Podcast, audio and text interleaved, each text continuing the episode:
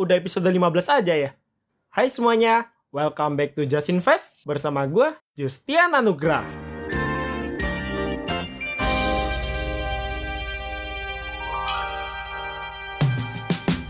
Kayak instrumen investasi yang lain, reksadana ini juga banyak loh macam-macamnya. Ceritanya biar nggak bosan gitu, makanya banyak macamnya. Hehe. Gak lah, sotoy doang gue. Berarti gue coba serius ya. Jadi reksadana itu banyak macam-macamnya dan berbeda-beda karena mereka tidak sama. Iya, mereka berbeda karena mereka tidak sama. Haha. Lah ampun ampun. Yuk ah, daripada dengerin kerecehan gue tadi, yuk kita langsung masuk aja. Jadi untuk jenis reksadana itu sendiri secara utama kebagi jadi empat berdasarkan alokasi investasinya, yaitu pertama, reksadana pasar uang, yaitu jenis reksadana yang alokasi investasinya ditempatkan 100% pada instrumen pasar uang. Antara lain obligasi yang jatuh tempo kurang dari satu tahun, deposito, dan sertifikat Bank Indonesia atau SB, SBI. SBI aja deh biar enak. Ingat, 100% loh ya. Reksadana ini memiliki risiko yang paling rendah karena investasinya di instrumen yang liquid alias mudah dicairkan dan cocok untuk kamu-kamu yang punya profil risiko sangat konservatif atau yang tidak agresif. Namun imbal hasil yang didapat dari reksadana ini juga paling rendah dibandingkan dengan jenis reksadana lainnya. Selanjutnya ada reksadana pendapatan tetap, yaitu jenis reksadana yang sebagian besar alokasi investasinya ditempatkan pada efek yang memberikan pendapatan tetap. Kayak namanya. Contohnya itu seperti surat utang. Alokasinya tuh minimal 80% di surat utang dan sisanya di pasar uang. Karena tadi dibahas kenapa disebut pendapatan tetap karena penerbit obligasi atau yang minjemin duit yang kayak kita bahas kemarin-kemarin secara konsisten memberikan pembayaran bunga atau kupon yang tetap kepada para pemegang efek tersebut. Tapi dalam kenyataannya, manajer investasi akan menginvestasikan kembali bunga yang diterima dari efek utang tersebut. Sehingga hasil investasi reksadana tersebut dapat menjadi lebih optimal. Oh ya, meskipun begitu, harga obligasi bisa gerak naik atau turun ya karena perubahan tingkat suku bunga. Jadi kalau tingkat suku bunganya turun, secara teori harga obligasi naik. Sebaliknya, ketika tingkat suku bunga naik, maka harga obligasi turun. Semacam jungkat-jungkit. Lalu ada reksadana campuran. Sesuai namanya nih. Jadi reksadana campuran itu adalah reksadana yang campuran. Uh, ulang. Jadi ini adalah reksadana yang alokasi investasinya ditempatkan pada beberapa efek sekaligus. Ada yang di saham, ada yang di surat utang, dan ada yang di pasar uang. Dan komposisi masing-masing paling banyak cuma boleh 79% doang. Dan ketiga instrumen tersebut harus dimiliki oleh reksadana campuran pada saat yang bersamaan. Alias gak boleh memiliki hanya dua dari tiga instrumen tersebut. Nah, pada prakteknya, alokasi investasi reksadana campuran sangat beragam. Ada yang porsi investasi sahamnya lebih besar, ada yang memiliki porsi obligasi yang lebih besar, ada juga yang semuanya seimbang. Karena keragaman komposisi instrumen tersebut, instru, eh instrumen, investor harus mencermati terlebih dahulu porsi alokasi yang dipilih oleh manajer investasi biar bisa menyesuaikan plov plov biar bisa menyesuaikan profil risiko investor dan reksadana yang mau dibeli. Ingat, reksadana campuran yang mempunyai komposisi saham lebih besar dibandingkan dengan yang lain, otomot otomotif, ah berantakan dari tadi omonganku. Secara otomatis juga mempunyai tingkat risiko yang lebih besar. Dan yang terakhir nih, last but not least. Kesukaan gue, ada reksadana saham, yaitu jenis reksadana yang sebagian besar alokasi investasinya ditempatkan pada efek saham, minimal di 80%. Yap, yap, ini paling agresif. Karena dibandingkan dengan jenis instrumen lainnya, saham merupakan instrumen yang mampu memberikan potensi keuntungan yang paling tinggi, namun begitu pula dengan tingkat resikonya. Selain itu juga pergerakan harga saham kan fluktuatif banget tuh. Simpel ya untuk jenis-jenisnya, nggak seberat obligasi. Dan kelihatan nggak tuh? Secara nggak langsung udah gue urutin dari yang paling rendah risikonya sampai dengan yang paling tinggi risikonya.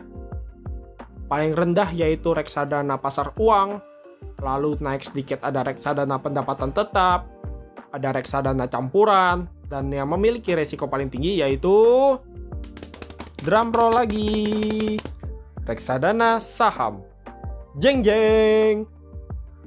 Ingat selalu teman-teman, yang namanya high return itu diikuti dengan high risk juga. Oke? Okay?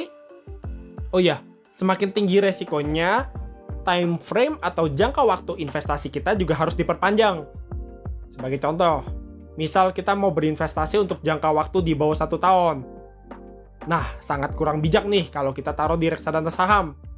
Karena yang namanya investasi di bursa saham itu gejolaknya terlalu kencang. Istilahnya terlalu volatile.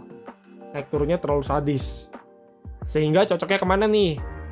Oh ya wes kalau gitu mending kita taruh di reksadana pasar uang aja deh. Kalau mau investasi di bawah satu tahun. Lanjut contoh lagi, misal kita pengen investasi untuk misalnya untuk dana pensiun 10 tahun lagi. Nah kan jangka waktunya masih lama tuh. Menurut gue sih sayang banget kalau istilahnya ditaruh ke reksadana pasar uang. Meskipun aman karena pasti naik mulu, tapi returnnya rendah. Sehingga jumlah dana pensiun yang terkumpul pun jauh dari memadai istilahnya. Oh iya, istilah buat tumpat reksadana di atas adalah reksadana konvensional ya teman-teman. Maksudnya yang paling umum punya. Emang ada yang lain Pak Jus? Oh tentu ada.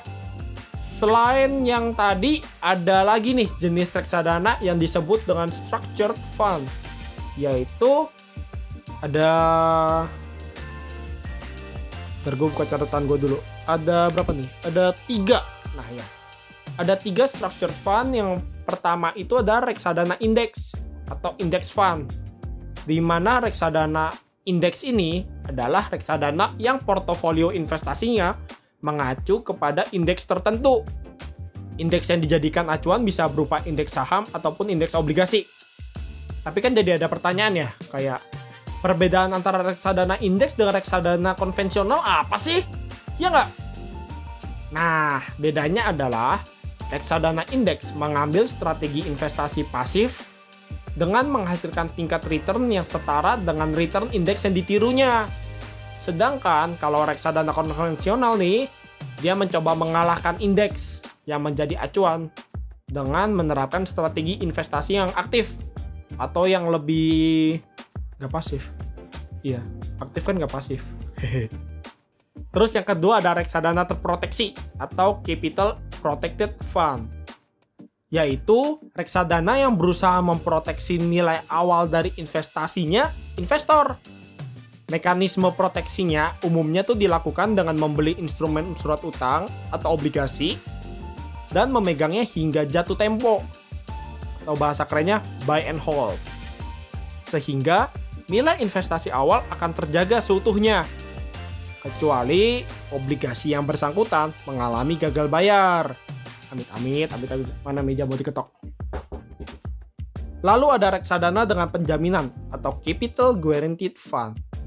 Di mana ini adalah reksadana yang menggaransi nilai investasi awal investor. Biasanya sih mekanisme garansi dilakukan dengan melakukan perjanjian dengan guarantor atau pemberi janji. Dan yang bertindak sebagai pemberi janji ini adalah perusahaan asuransi biasanya Oh iya, dari ketiga structured fund tersebut, hanya index fund yang bisa ditawarkan terus-menerus seperti layaknya jenis reksadana konvensional. Sementara itu, capital protected fund dan capital guaranteed fund memiliki masa penawaran yang terbatas. Lanjut, seiring berjalannya waktu, berkembang lagi nih. Ada reksadana yang dapat diperdagangkan di bursa efek. Namanya adalah Exchange Traded Fund atau ETF ulang exchange trade fund. Nah, di mana reksadana ini merupakan pengembangan dari reksadana indeks. Dengan prinsip yang hampir sama dengan reksadana indeks, Perbedaan utamanya adalah ETF dapat dibeli melalui pasar sekunder, sementara reksadana indeks dan reksadana konvensional hanya dapat dibeli melalui manajer investasi langsung. Oh ya sekedar info, emang kalau misalnya kita mau beli reksadana kita kudu belinya tuh ke mitra distribusi ya guys istilahnya. Banyak banget kok mitra distribusi. Uh, ada Bareksa, ada Bibit, gitu-gitu. Oke lanjut ke ETF. Ngomong-ngomong soal ETF, sebenarnya kendalanya di Indonesia adalah ETF ini kurang liquid. Oleh karena itu, dalam ETF dikenal satu pihak yang disebut dengan dealer partisipan, di mana dealer partisipan adalah anggota bursa efek yang menandatangani perjanjian dengan manajer investasi penerbit ETF untuk menjadi market maker. Di mana market maker adalah pihak yang bersedia membeli atau menjual ETF pada harga yang telah ditentukan sehingga menjadikan instrumen tersebut mudah diperdagangkan atau liquid. Selain itu ada juga nih reksadana syariah, yaitu reksadana yang dikelola dengan prinsip syariah. Contoh penerapan prinsip syariah dalam pengelolaan reksadana antara lain berinvestasi pada saham dan obligasi yang masuk dalam daftar efek syariah. Adanya prinsip cleansing, yaitu kegiatan menyumbangkan porsi pendapatan yang tidak memenuhi ketentuan syariah apabila ada untuk kegiatan amal. Lalu adanya Dewan Pengawas Syariah. Ada lagi nih reksadana yang mendukung sektor real dan infrastruktur. Seperti reksadana penyertaan terbatas atau sebutannya RDPT. Di mana si RDPT ini adalah reksadana yang menghimpun dana dari pemodal profesional dan selanjutnya diinvestasikan pada portofolio efek Nah, portofolio efek yang dimaksud di sini tidak terbatas pada instrumen pasar modal, namun bisa juga pembiayaan terhadap sektor real dan infrastruktur. Sedangkan yang dimaksud dengan pemodal profesional adalah investor yang memiliki kemampuan menganalisa resiko dari reksadana itu. Dan dari sisi keuangan, minimum investasi adalah 1 miliar rupiah. Lumayan ya modalnya. oh ya, beberapa keunikan dari reksadana ini adalah jumlah pihak yang terlibat biasanya dibatasin. Paling banyak sih 50 orang biasanya.